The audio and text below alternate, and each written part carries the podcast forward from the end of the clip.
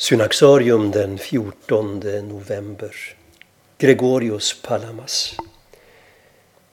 När Gregorius Palamas år 1359 dog i sitt ämbete som biskop i Thessalonike var han en av de mest älskade munkarna och andliga ledarna i den bysantinska kristenheten. Gregorius var uppväxt i Konstantinopel och hade dragits in i den förnyelserörelse som gick under namnet hesukasm. Den hade gjort berget Atos till en andlig fyr som kastade ljus över en mörk tid när det bysantinska riket var på väg mot sin undergång. Gregorius var en lysande teolog av fornkyrkans lag. Den som ber i ande och sanning är teolog och teolog är den som ber i ande och sanning. Han hade fått sin bildning i Konstantinopels främsta skolor. I den andliga rörelse han tillhörde spelade Jesusbönen en central roll.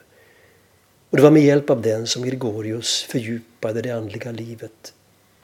Genom upprepandet av böneorden ur evangelierna Herre Jesus Kristus, Guds son, förbarma dig över mig sökte bedjaren den inre uppmärksamhet och vaksamhet som är en förutsättning för ett rikt andligt liv.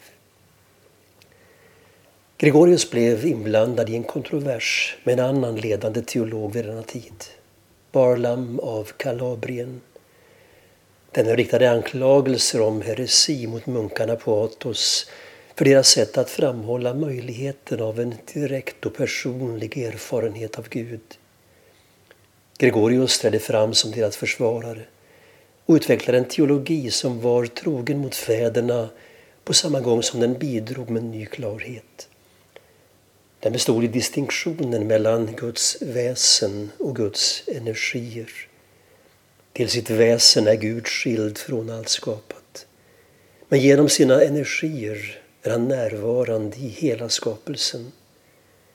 Därför är det på samma gång omöjligt att helt och hållet ta del i Gud och möjligt att på något vis ta del i Gud.